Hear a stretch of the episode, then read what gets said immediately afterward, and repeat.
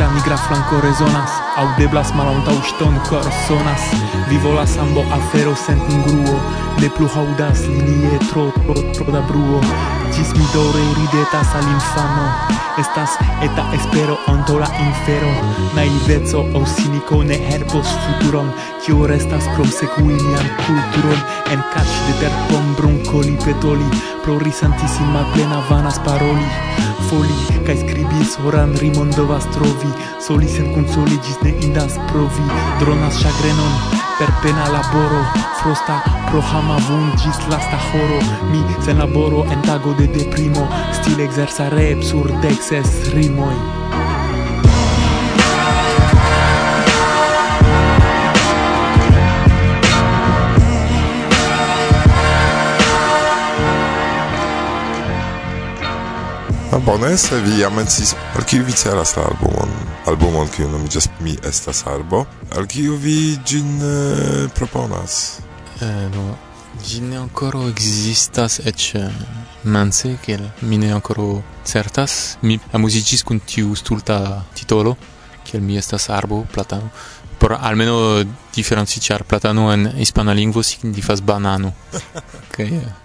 tiom naiva es iomete kiel fek al Esperanto es titolo ĉar estas tre stulta kaj mi estas arbo estas ankoraŭ pli stulta iel maniere.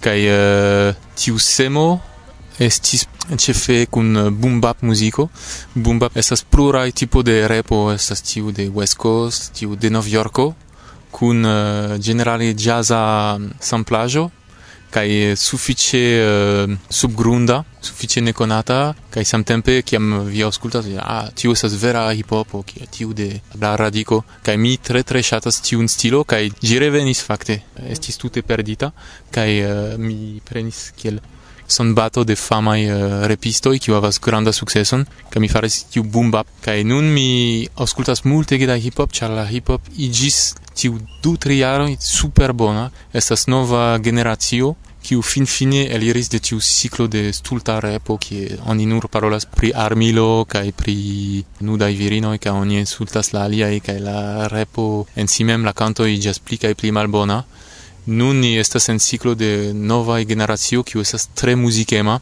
kiu ne konas limoj, ili mixas ciun, estas vera muzikisto, cantas, cae explodis en miloi da diversai directoi.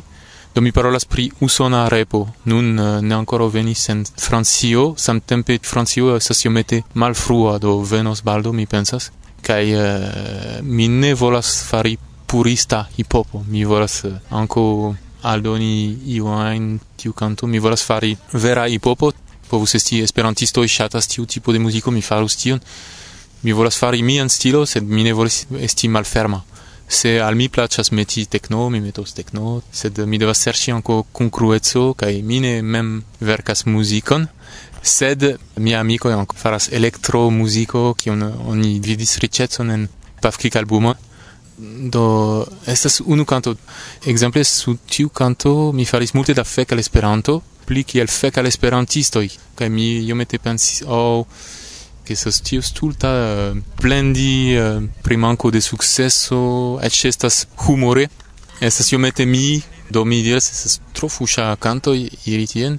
Kai uh, eh, mi verkis tiu canto levu la manon kiu diras uh, neniu scultas verdire vi pravas qui mi vois dire en tu canto que ça se plaisuro et se sta snur par mi mem et ça se plaisuro que mi faris bon en cantoin qui a beau assisti que mi sa sarbo eliros en 2012 sed uh, mi volas que mi estu contenta pri tiu albumon. Do mi havas celon fari uh, bonan albumon kaj ĉiu kiu aŭskultas ĝin kaj ŝatas hipopon povas uh, eniri kaj diri jes li faris bonan laboron almeno kaj tiu estas mia unua celo por li por vi por uh, esperanto movado por hipopemulo estas por mi mem. Kaj la dua parto estas tekstoj mi simple volas ke iu kanto pritraktu temon de militservo aliajn traktu pri ekologio ke estu iomete seriozeco char en Paftik ni faris tro da scherzo kai je la fino ni ne plu estas homo kiu volas diri ion aŭ estas simple parolado por nenion kai mi compare alla Paftic albumo che mia nura albumo che mi fa se mia vivo mi volas pli iri in tiu directo Promenacci festo, ce la vorrei or far chi on fare i sorgenisti en cielo. Parche rigitecton construi etan mantro, ludi poemiton vaso estus arto chiam eblas kuŝigi ĉion al blanka paĝo resti sur nuaĵ sekstaras repaĵo. Kopii milfoje denove elektronike Ŝalti mikrofonon kaj labori Prilabori denove vortharmonion harmonion Rememoru bonan tempon de pioniro Restu ĉe la ritmo Unu, du, tri, kvar Okuloj al papero Vidi kion sekvas Kaj se vi ne ŝatas Ne vere gravas. Neniu aŭskultas Verdire vi pravas. Mi ne memoras per del teksto Mi pensis pri tiu kaprebeno. Do Platano Matoliĝas komencas uh, eh, pensi pri teksto. Tamen uh, disco fizike aperis do en uh, tiu mi diru prova formo, sed tamen aperis kaj kuŝas inter la aliaj. Ĉu vi memoras la nomojn de la kanzonojn kaj povas rakonti pri tiu kiu estas plej proksime de li? Do estas ses kiel kantoj. Unu estas intercantoj kaj la unua canto kiu nomiĝas kiel gangstero canto che mi faris con uh, eh, eterne rima mi tre chatas eterne rima uh, eh, estas bona productisto kai uh, eh, bona um, repisto. Ni aves uh, sama in opinio pri esperanto movado rilate al hip hop che ni estas invitita exemple en in Ugo, sed estas iomete ridinda, ĉar neniu vere muzikisto estas invitita.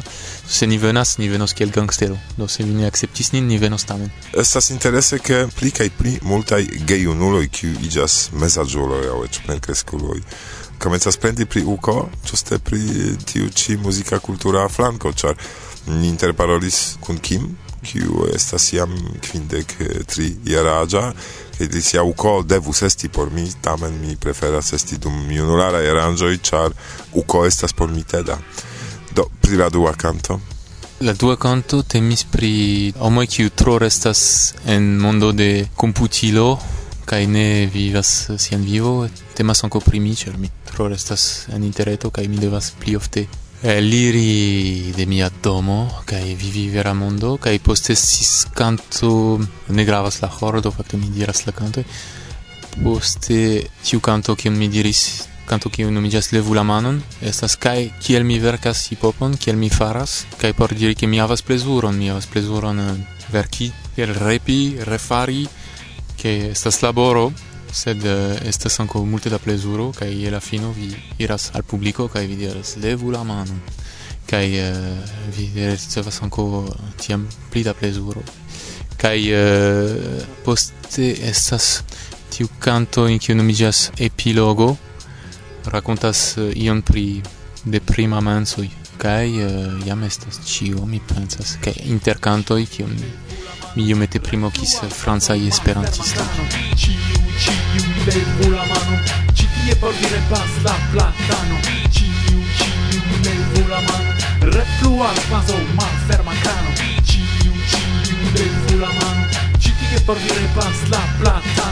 Mi eh, rimarkis vin ankaŭ instruanta repon. Ĉe un festo okazis rep ateliero. Vi sidis kun eh, Johnny M. kaj vi inspiris partoprenantojn mem verki tekstojn eh, laŭ la muziko kaj kanti do mm-hmm. estas eh, pluraj homoj kiu demandis al mi fari prelegon. Do ĉiam estas tiu en eh, en rakontiĝo ni mankas prelegon do ni insigas kaj mi diras mi povas fari mi mem interesiĝas pri hipopa kulturo kaj mi faris du o tri pri hipopa kulturo finante per esperanta movado kai poste estis multe da homoj kiu mem volis praktiki repon kaj mem demandis. Finfine estis propono de flo proponis unu al Joniam kiu tuj volis. Kaj ni decidis kune fari kaj do mi ankaŭ persone demandis al poetistoj kiel eh, uh, eh, Nicola Ruggier. Mi petis al li doni iom da helpon pri mia verkado, ĉar mi scias ke mi malbone verkas, mi estas amatora poetisto. Kaj rep estas iome formo de poezio, kaj tio mi volis montri dum la verkateliero ke esperanta poezio havas sian regulon oni devas serioze pritrakti ĝin kaj ipopo prenas parton de poezion kaj generale populara hipopo estas tiu kiu havas bonegan tekston kaj ne estas hazardo contenta pro la rezultoj de tiu trejnado jam mi kontentis ke multe da homoj kiu interesiĝis venis ne ĉiuj volis verki kaj poste do mi diru du onon da homo kiu partoprenis verkis? Ion?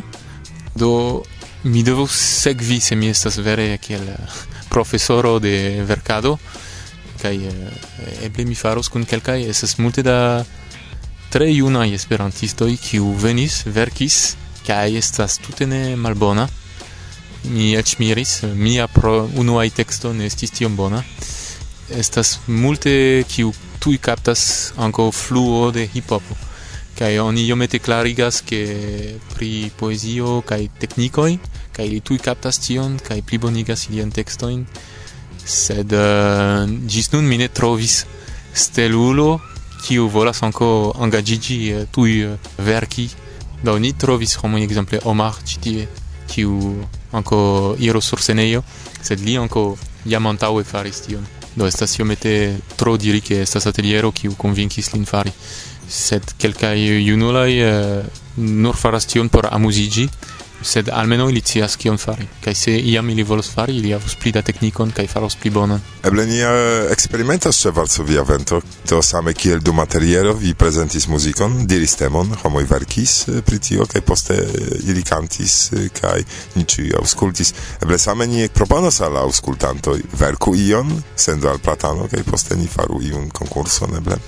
c'è una buona idea se se ver canto ni povas el trovi manieron fari tiu concurso. Kaj mi avis anko alia in afero do eble tiu albumon kiun mi faras mi ne havas muzikon normale estas repisto kaj dojo. La dojo estas uh, antaŭ estis pli grava la repisto. Mi kompreneble havas amikojn kiu faras instrumentaro sed uh, eble pli bonos se vi mem produktas muzikon estus bone che vi donu al mi kontaktoj aŭ eĉ uh, eh, sendas instrumentaron al mi kai mi mi tiel povos eh, uzi por la albumon.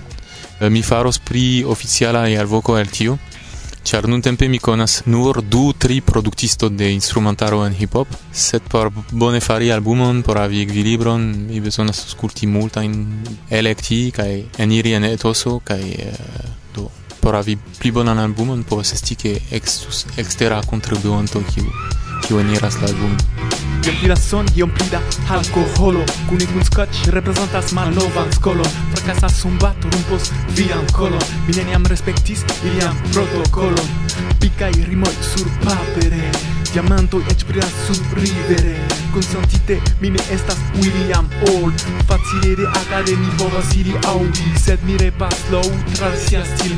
Same kiel por la dolĉa karemu senpila Revenas al la fonto kiel metodis Amik desegnis iom por tiu eta disk Subrunda labor cuzoi pluai pruvajoi por estontai akuzoj Nova bona kodo por eo mercato. Juste sub la sur dormas la cato. Ciu viaj deziroj? Pri kiu? Generale koncernas eh, tion, kion vi faras en Esperantujo. Mi uh, mi ŝatus ke estus uh, kiam kiam mi aŭskultas Varsovia Vento mia intervjuo estas ĉiam tiu santo a kion mi diris ĉar mi promesas aferojn mi ĉiam promesas do fakte aperas generale du o tri jaroj al kion mi pensis ekzemple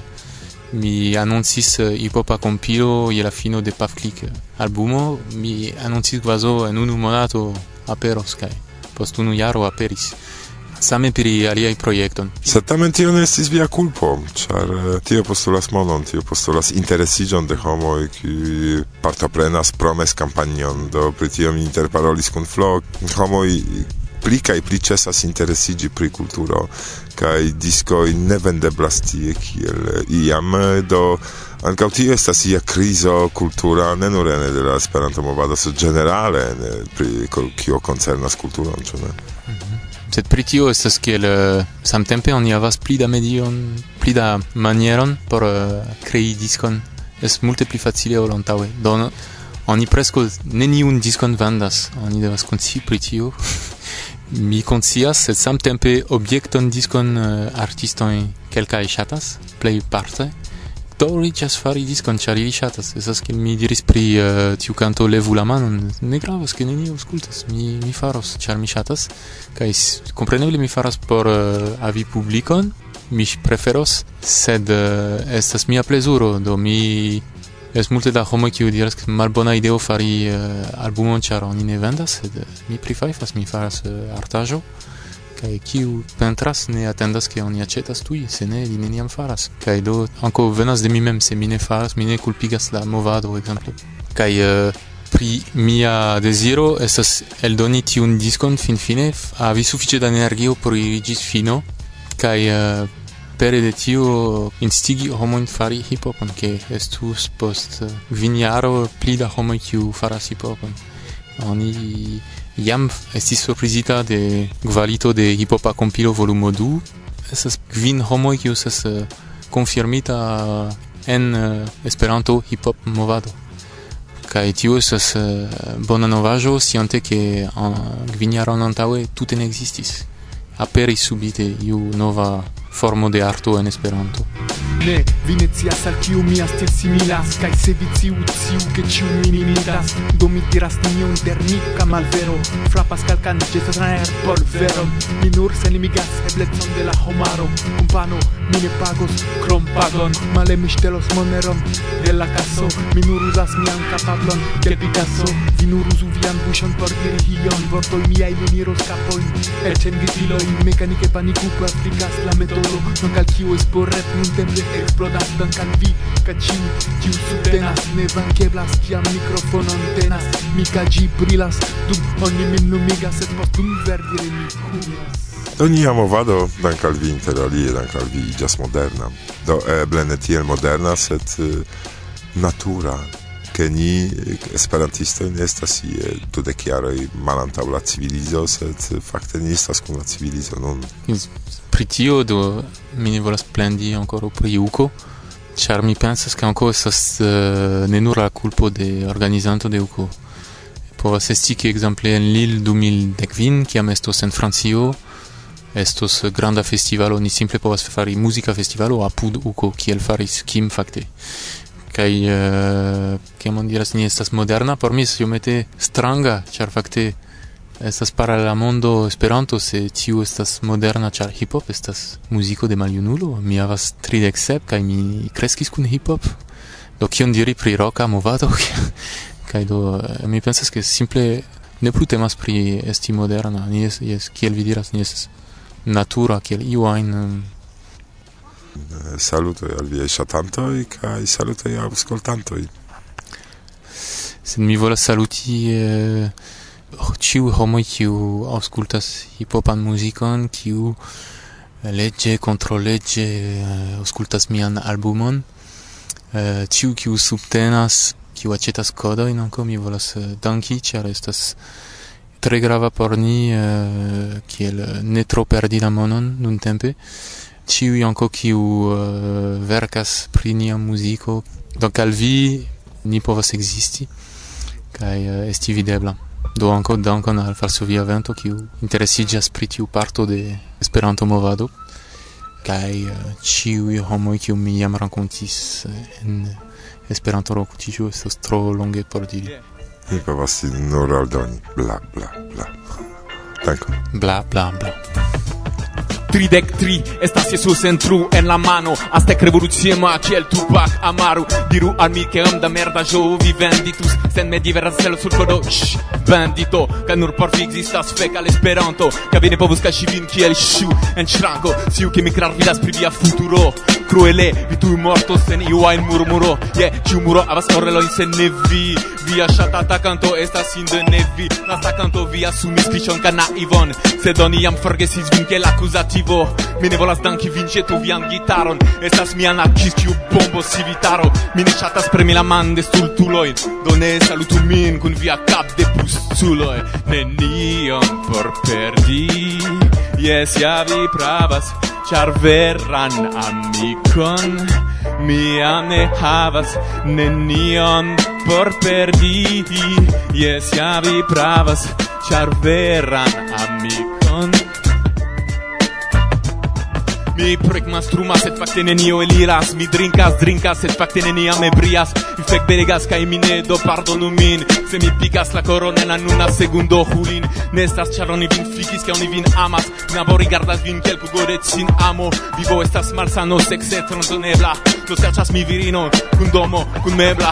Mondo kurtas vivo krudas e al lit teksto krudas dosto krudas fek al vi maŝatu ĝin informas ne televida programo tiu skatolo nur donas al vi. Kilogramo mi restos pugno fermita ĝis la mort senhalte fluas parol baldo sango mia sur asfalto. Ĉarantol kabeis me kiel kaŝimir ĵetus min insulton al vera putin kiel vladimir. Neniom por perdi Jes, ja, vi pravas, char veran amikon Mia ne havas nenion por perdi. Jes, ja, vi pravas, char veran amikon Mia ne havas plu. Ra! Festo! Ah, vi, vi estas ĉi tie. Venu, venu.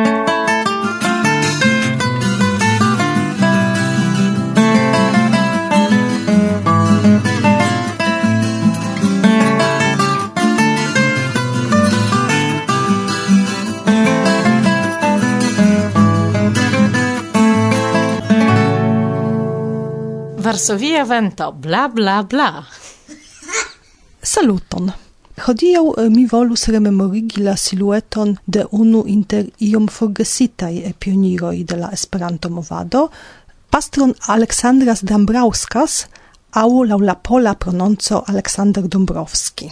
Krom siaj meritoj por la katolika Esperanto-movado, kaj multaj verkoj en la Zamenhofa lingvo pri tre diversaj temoj, inter kiuj troviĝis du matematikaj libroj kaj kolekto de liaj propraj poeziaĵoj, eh, li famigis precipe kiel autoro de la unua en la historio poŝtkarto skribita en Esperanto, mallonge post la apero de la unua libro. Indas aldoni, ke Dambrauska sendis ĝin al Zamenhof nur unu semajnon post la ricevo de la unua libro, kaj kiel akcentas la enciklopedio de Esperanto, ĝi estis tute sen erara. Por la nuntempaj esperantistoi tre interesai shainas la circumstanzoi de ilia unua contacto kun la novcreita lingvo. Ni conas ilin dank al liaj concisai rememoroi vergitai por la ora libro, eldonita en 1937 jaro pro la kvindekjara jubileo de Esperanto. Li scribis tie.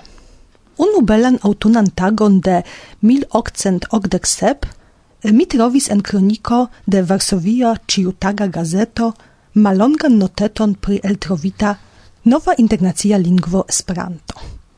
La kronikisto ne kontentigis pri tiu simpla scigo, sed ekvolis ankaŭ ĝin plibeligi per jena moka rimarko. La tutmondaj ŝtelistoj povas de nun ekuzi tiun novan interkomprenigilon por siaj internaciaj celoj. Tiu malica primoco min effikis tute alie, ol la gazetisto eble volis, char la saman tagon mi tui venigis el Varsovio la polan eldonon de la unua Zamenhofa broŝureto. Ĝin traleginte, mi cun miro ekvidis, ke tiu novan lingvon mi prescau jam comprenis sen plua lernado. Pro tio mi tui sendis al doktoro Zamenhof malongan esperant lingve verkitan letereton, sigante lin ke anstatau atendi gis ciam dec milionoi de homoi esperantigios, mi preferas tui komenci la lernadon kaj uzadon de lia Esperanto. El dek de tiam conatai lingvoj, la Esperanton mi trovis la plej facila, belsona kaj la plej taŭga por ciui branĉoj del homa verkado. Tion mi ne sole teorie credis, sed comenzis ankaŭ mi mem verkadi esperantlingve. Tre interesa historio, ĉu ne? Eble ankaŭ nun indas publikigi similan artikolon prezentantan Esperanton kiel la lingvon de ŝtelistoj. La historion pri Dambrauskas prezentis al vi Kaŝato. Dankon. Summertime kai la vivo facilas.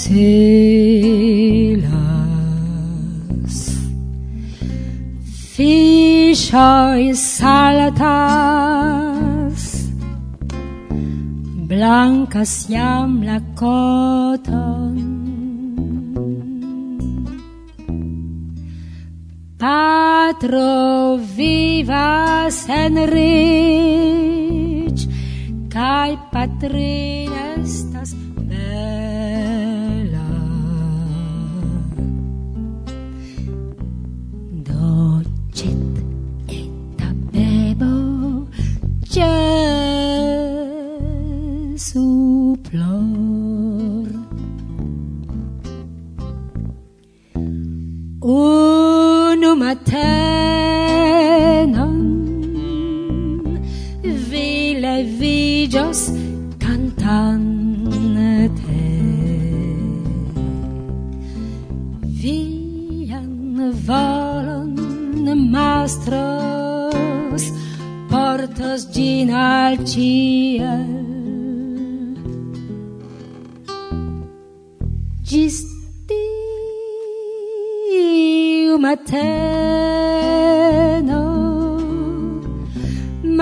ne povos vin trafi.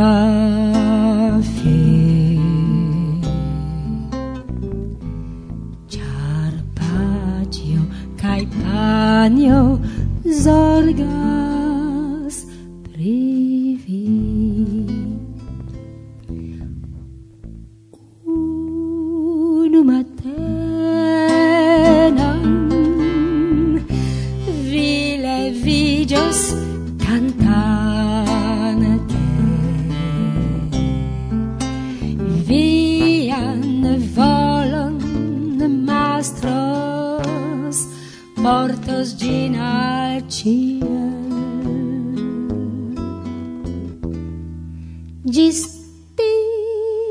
mateno.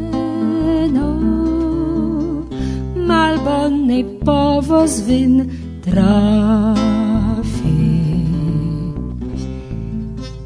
Char pagio kaj panjo zorgas pri vi